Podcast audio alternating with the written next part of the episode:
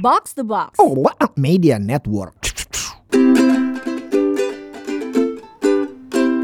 Mencoba minimalis. Mencoba minimalis mengurangi yang nggak perlu lebih dari sekedar beberes. Di sini ada Puri, ada Avo juga. Pur, ini konser-konser ini kenapa ini? Waduh. Lagi meriah tapi banyak yang ambiar juga ya kan gue jadi jantungan ini. Hammer Sonic nanti 2023 bisa terancam batal ini kalau konser-konser di Indonesia ini Iya, bagaimana ini gitu. Blackpink will not be in our area nih kalau kayak gini gimana dong? Gimana ya? Gak usah gitu. Eh, episode ini tuh direkam ketika Ya. ketika semua orang lagi ngantri mau beli tiket online Sheila on Seven. Waduh. Jam 12 siang itu ada temen gua udah nongkrongin tuh laptop. Terus dibilang di depan kamu masih ada 20 ribu orang lainnya. 20 ribu plus. Gila gak lo? Gue kayak Tiket Aduh. war. Pertama Tiket Pertama war. nih Iya tiket war Gak usah ngomongin Blackpink ya Blackpink mah udah pakai calo tingkat tinggi gitu ya Dengan Bukan calo sih bilangnya pakai membership Membership itulah ya Sheila on Seven gak usah dibahas ya Betul. Udah udah ada pengkategorian apa ada orang-orang yang bisa duduk sekalian dinner eksklusif gitu kan kalau nggak salah. Kalau di posternya bilangnya silakan telepon untuk eh, menanyakan harga. Nah, terus ada dong temen gue yang nelpon nunggu lama banget. Cuman mau tahu berapa harganya 30 juta. 30 juta, tapi gue lupa 30 juta satu seat atau 30 juta satu lingkaran. Kan kalau meja satu lingkaran tuh bisa muat berenam atau Yes. berlima gitu. Nah, gue lupa tuh. Tapi kayak gila ya, gila. Makannya apa ya? Apa Makannya itu resesi? Itu?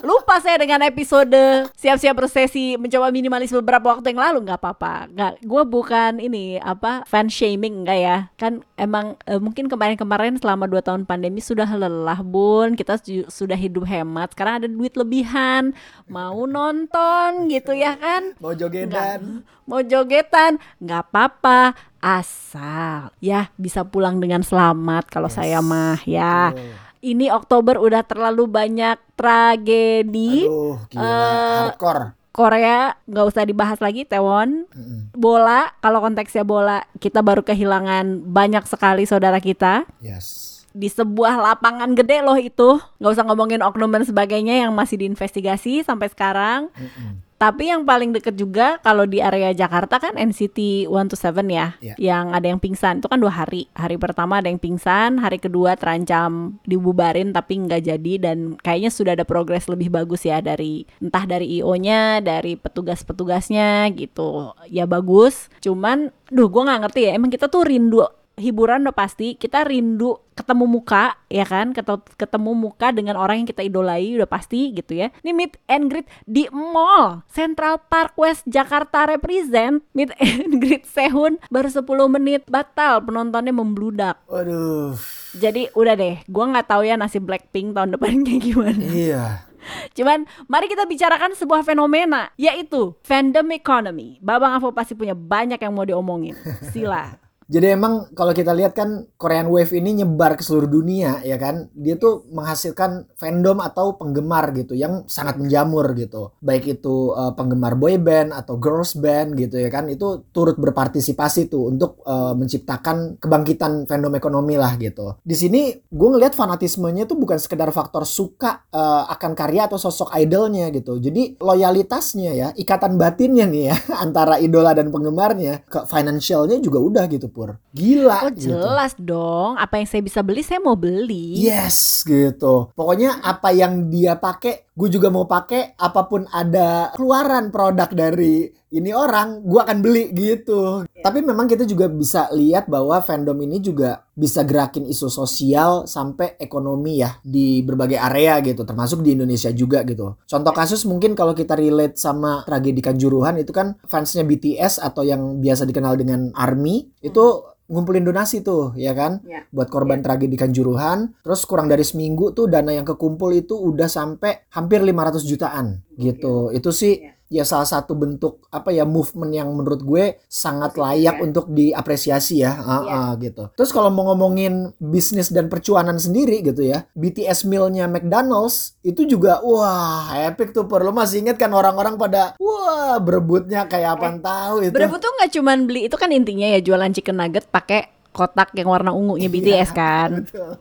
Siapa yang waktu itu merasakan ke Tokped buat beli kotaknya doang? Iya. Bahkan udah nggak nggak saya tidak mau drive thru lagi, saya sudah pasrah tapi saya mau kotaknya. Itu di Tokped gila-gilaan sih. Gua nggak tahu ya itu asli apa nggak ya, cuman kayak ini harga-harganya dalam hitung-hitungan gue tuh nggak masuk gitu. Tapi ya ada aja sih yang ya namanya juga suka ya kalau ada duitnya mah dibeli gitu. Tapi setuju bahwa maksudnya kecintaan atau fandom ini bisa di dikonversi jadi sebuah aktivisme yang tadi kece, Betul. tapi juga kalau dilihat dari sisi konsumerisme dan Waduh. bisnis, hmm, sungguh sangat menjanjikan pastinya. Makanya ada istilah fansumer, Yes. gabungan fans dan konsumer atau konsumen gitu ya. Jadi di mana si si yang kayak tadi Avo bilang gitu, nggak cuma ngikutin aktivitas dan karyanya si idolanya, tapi juga beli produk yang di endorse atau didukung oleh si idola gitu. Dan apa pun deh, apa pun kalau bisa gue iyahin, gue iyahin nih semuanya. Cara lain, cara lain menurut gue melibatkan gimana ya fans untuk terlibat secara emosional. Menurut gue jauh sebelum si BTS tuh Taylor Swift sebenarnya. Yes. versi yang udah mainstream ya sekarang ya gitu. Di mana dia selalu bikin intimate concert terus dia suka kasih apa ya Easter eggs gitu ya kayak lu bisa tebak nggak nih kira-kira ada di mana gitu. Terus si ya udah dengan sendirinya kan ada si community atau fansnya ya yang lama-lama ya kalau versi cuma 10 mah 10 kalau ini sedunia gimana? Dan dia nggak cuma beli album ya Iya. eh dari yang produk fisiknya mungkin vinyl sampai yang lain-lain ya udah lah ya itu akan menjadi sebuah mesin jualan gitu walaupun kekurangannya kalau dari sisi brand itu kan image harus dijaga banget ya begitu Banget. tuh citranya tergores Waduh. jualannya ambiar dong kita Asli. nggak balik modal nih gitu kan makanya dia aku pasti mau ngomong banyak banget ya soal bagaimana kita ini juga relate dengan episode role model waktu itu Yes. lo cari aja kalau lo belum ngikutin episode atau dengerin episode soal role model tetapi akhirnya karena si pebisnis ini dari kacamata pebisnis yang kayak oh investasi di sebuah band atau investasi di sebuah sosok ada resiko nih resiko soal citra kan Betul. Eh, kita nggak bisa kontrol kan kalau dia tiba-tiba enak-enak sama siapa gitu kan terus Atau kena cancel culture atau siapa skandal gitu, apa ya. akhirnya ada virtual celebrity AI influencer tapi AI mesin guys Edan. Biar nggak kelibat skandal aja semua bisa diatur nggak ada nggak banyak mau ini teh si selebriti ya si Lee Michaela Michaela Lee iya, iya. Michaela seleb AI yang kayak manusia tapi dia tuh sebenarnya AI gitu Tinggal di coding aja ya biar aman ya. Nah, jadi pertanyaan selanjutnya adalah saya kepada Anda yang mendengarkan jika Anda adalah seorang KOL dan influencer, bagaimana Anda bisa bersaing dengan Lee Michaela itu? gitu. fandom ini sebagai apa ya currency ya gitu. Memang banyak mengakibatkan eh, berbagai fenomena gitu yang paling jelas kelihatan antara lain ya overconsumption ya gitu. Jadi eh, konsumsi berlebihan gitu. Jadi loyalitasnya para penggemar ini gitu kan terhadap idolanya itu jadi melanggengkan konsumerisme massal tuh dan pemborosan gitu. Jadi buat para fansnya nih di financial planningnya mungkin beda sendiri pur gitu sama financial planning eh, orang-orang atau masyarakat pada umumnya gitu. Di mana mereka budget untuk eh, idol thingy gitu wah itu mungkin bisa di atas atau mendekati 50% gitu ya kan? Dari penghasilan bulanannya mereka gitu. Hal-hal ini kan tentunya ditangkap ya sama eh, brand-brand kelas atas gitu ya kan? Contoh misalnya Louis Vuitton ya kan? Mereka ngerangkul BTS gitu kan? Agar audiens mereka yang lebih muda yaitu Gen Z itu bisa terpapar tuh dan juga bisa ikut eh, beli tuh produk-produknya LV. Kita juga bisa lihat di setiap perusahaan K-pop itu kalau mereka lagi rilis album versinya banyak gitu pur nggak cuman satu versi doang gitu artworknya ya istilahnya Iya. gitu tapi wah tiap member bisa ada teasernya sendiri gitu Gemes sih marketingnya. Gue tadi gara-gara lu bilang kan merek-merek kelas atas gitu dengan apa bekerja sama dengan industri K-pop untuk menjangkau audiens lebih muda itu jelas seperti McDonald's bawa duit banyak lah ya untuk Yes. McDonald's. 8,5 Tetapi- juta dolar kalau nggak salah Goks. waktu itu. Tapi gue mau kasih contoh yang sebaliknya. Apa yang terjadi dengan Adidas dan Kanye West? Wah, itu tuh. Itu tuh masih menarik karena gue ngelihatnya masih ongoing ya kan? Maksudnya ada apa nih sebetulnya? Apakah ini settingan ya kan? Apakah ini naturally happen gitu ya kan? Hmm. gitu. Karena kalau Ya. udah selevelan gitu kan kayaknya berlapis ya pur ya. Gitu. Eh, ya yang jelas secara apa stance-nya Adidas sih bagus ya untuk untuk akhirnya udah gue udahan aja. Terus abis itu dibikin ini kan desain e-poster gitu yang tulisannya by ya kan B Y E gitu itu menurut gue adalah sebuah lagi-lagi marketing yang brilian gitu Asli. nah terus kan mungkin pelajarannya Adidas aduh rempong ya nek kalau kita sama artis kagak bisa kepegang omongannya nih gitu Asli. jadi mungkin akan ada versi Kanye West yang lebih bisa dipegang omongannya dan lebih eling untuk versi AI gitu. Hmm. Bisa jadi Adidas akan melakukan itu. Saya tidak tahu. Tapi silakan dilanjut. Itu kalau soal konsumsi berlebihan tadi ya. Tapi kita juga sering lihat nih kayak di Kroya sendiri ya gitu ya kan di Kroya Selatan gitu. Itu sering tuh ditemuin kotak-kotak album gitu ya kan sampah kertas, sampah plastik yang nggak kepake gitu karena kartu fotonya udah diambil Oh iya benar gitu. banget. Jadi Oh, biasanya iya, mereka iya, mereka iya, ngelakuin iya, pembelian iya, massal iya, itu kan iya. buat kegiatan fan science ya kan. Iya, iya, Jadi iya, iya. semakin banyak beli album kesempatannya makin besar tuh untuk menang Mm, mm, mm, uh, undian tersebut gitu. Cuman Iya. kan akhirnya ya sampahnya jadi jadi numpuk lah gitu. Jadi sebetulnya kan aset terpenting dalam fandom ekonomi ini adalah penggemar sebetulnya. Selain dari idolnya itu sendiri ya gitu. Iya. Kalau diutilize dengan tepat, fandom ini bisa menghasilkan nilai ekonomi yang luar biasa bagi brand. Tapi itu juga mau nggak mau kan nilai idolnya itu sendiri harus dinaikin gitu. Iya, iya, yang iya, iya, sering kali, yang sering kali belum tentu juga cocok atau sepaham gitu dengan uh, value atau prinsipal yang dimiliki sama si idolnya itu sendiri. Jadi jadi terbalik pur gitu mana yang klien, mana yang mana yang di hire gitu ya. Selamat kan, gitu. datang di dunia baru, Ciela. Iya, lo mau bilang bahwa ini activism sama fans, sama community and money itu kan kayak sebuah jaring laba-laba yang saling berkaitan kan gitu kan. Kalau dulu mungkin semua transaksional aja gitu. Tapi sekarang walaupun transaksional, mungkin kesannya kayak enggak ini tuh organik gitu. kan gitu ya. Ini contoh sempurna banget. Maksudnya BTS tuh dengan segala hormat ya dia kan juga bisa mencuri perhatian dunia secara komersil ya secara karya ya dia juga kayaknya diklaim di Korea Selatan adalah boy band yang bersuara gitu. Maksudnya punya aktivism dia berpartner dengan UNICEF yang eh, kampanyenya adalah end violence against children gitu. Terus tentang edukasi gitu. Terus dia kan datang ke assembly-nya UN kan kalau nggak salah tuh ya kan? Yang ibaratnya itu tuh untuk pertama kalinya Boy band Korea. boy band Korea bisa dapat panggung gitu di ya. PBB gitu ya kan. PBB loh Waduh. konteksnya. Jadi nggak main-main. Nah gue cuman mau melihat kontrasnya di balik itu semua yang udah disuarakan BTS dan keren tetap aja ketika itu ada hubungan dengan marketing dan jualan emang nggak bisa menyenangkan semua orang. Contohnya NFT kan NFT untuk beberapa aktivis lingkungan lah ya itu kan dianggap nggak ramah lingkungan Betul. dan sementara BTS mau ngeluarin produk NFT gitu. Kita ngerti dong kenapa kenapa mau dikeluarin? Ya namanya juga jualan gitu. Nah cuman itu akhirnya di maksudnya nggak digubris gitu. Suara-suara bahwa lo katanya lo aktivism dan lo lebih mau jaga lingkungan gitu kan ya. Tapi kok uh, uh, Tapi kok eh, rilis NFT gitu. Nah, gue sih nggak mau menghakimi ya, tapi gue mau melihat realitanya bahwa emang emang fans da manusia gitu. Dan Ya, begitu juga dengan artisnya. bener, Artisnya bener. juga manusia gitu, dan Bener. artisnya juga punya manajer. Manajernya cari duit gitu. Eh, apalagi manajernya tergabung di sebuah mesin marketing yang besar.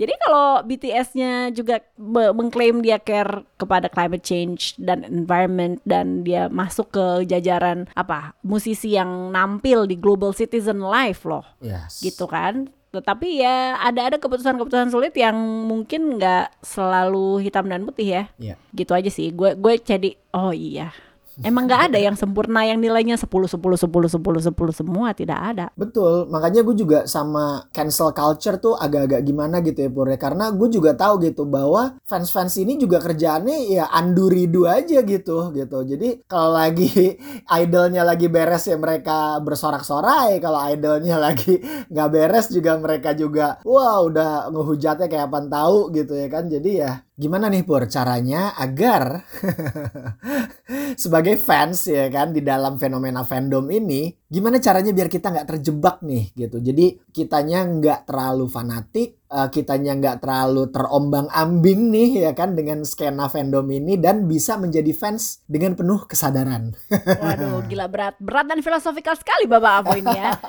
Kalau gue akan menjawab dari uh, versi paling realistis yaitu kita punya duit berapa dulu aja ya. Ini dengan kaitannya mau beli merch, mau beli tiket konser gitu ya. Pengen sih nonton Shilon Seven tapi gue nggak akan sih keluarin duit 30 juta buat nonton Duta gitu. Terus bukan enggak saya nggak ada duitnya gitu.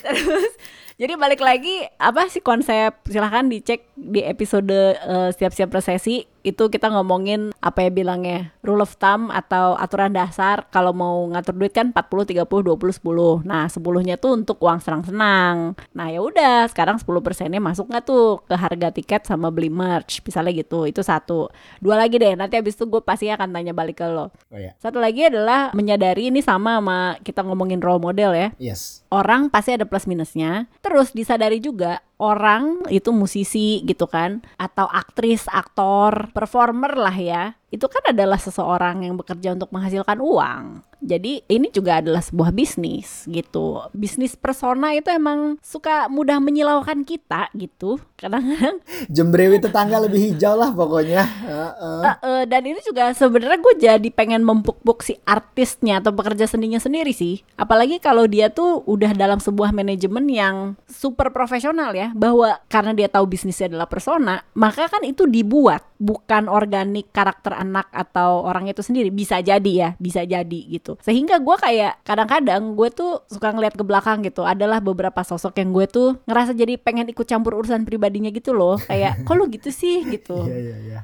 Uh, terus akhirnya di sebuah masa gue adalah kesadaran kenapa gue jadi recet ngatur-ngatur dia ya. Kan itu hidup dia. Nah kadang-kadang kita yang lagi ngefans juga sebenarnya menghidupi kehidupan orang lain gitu. Jadi sebenarnya kalau kalau misalnya ngefans mesti gue nih gue gitu nggak nggak bisa mengontrol kehidupan dia dong. Kan dia punya kehidupan sendiri. Iya, kalau misalnya gue gemes dan gue kesel kenapa sih tanda kutip role model atau idol yang gue suka ini melakukan hal yang gue nggak suka atau gue nggak setujuin berarti mungkin ada hal yang salah pada hidup gue sendiri ya kayak kayak Iya iya iya iya.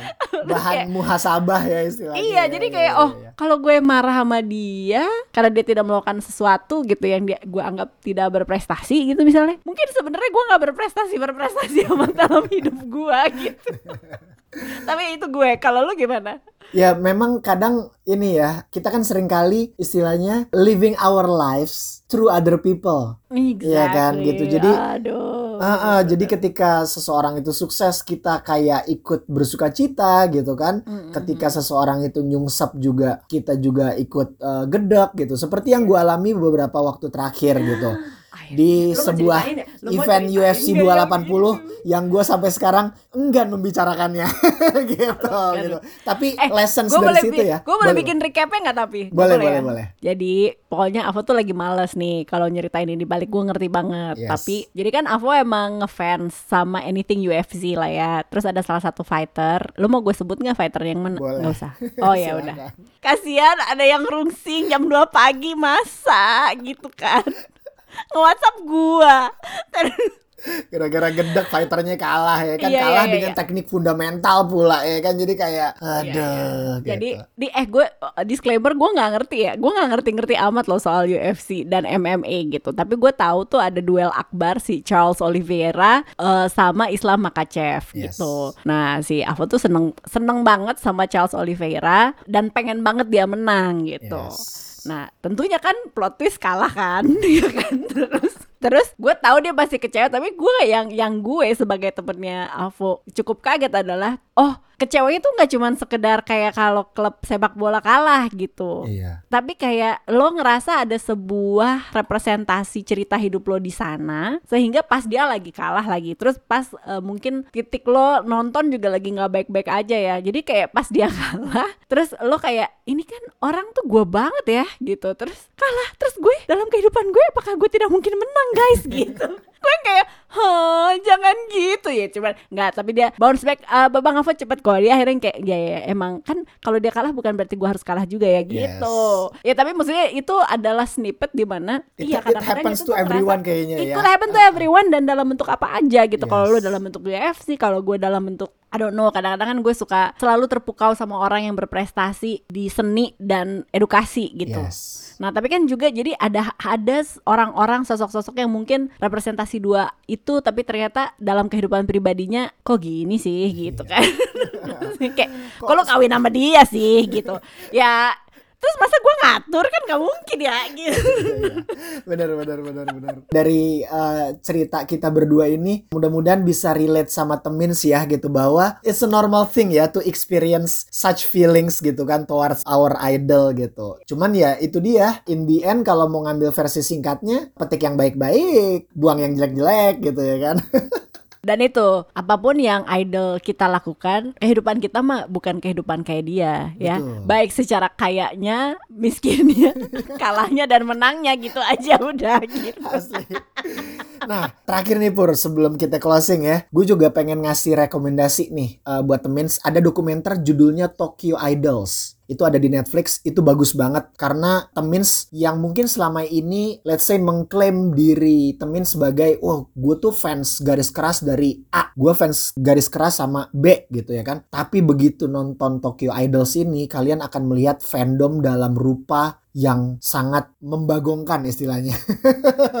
Langsung meluncur deh. Gue belum nonton dan gue gara-gara lu ngomong ini pengen nonton itu ada hubungannya sayang ada ada hubungannya dengan kayak gitu gak sih fans yang fanatik sampai merugikan orang lain gitu Sejauh yang gue inget ya pembahasan soal Sasaeng atau hardcore fans yang udah crossing the line gitu itu sih nggak ada ya. Tapi Oh, oke. dokumenter tersebut benar-benar ngangkat kehidupan dari si idolnya dan kehidupan dari fansnya. Yang gue nonton bengong pur, gue nonton kayak hah? Gitu, my jaw is dropping gitu. Kayak hah ada ya? Oh, wow. idol kayak gini, ada ya? Fans kayak gini gitu. Gitu. Jadi Wow. Gue abis nonton itu terus gue ngeliat eh, Wota yang di lantai 4 efek Sudirman lagi ngantri JKT48 itu jadi nggak ada apa-apanya gitu jadi kayak apalah gitu buih di Eh. lautan aja gitu. Ih gila gue nonton Oke guys Ah. kita nonton Ini di Rotten Tomatoes 91% loh Yes.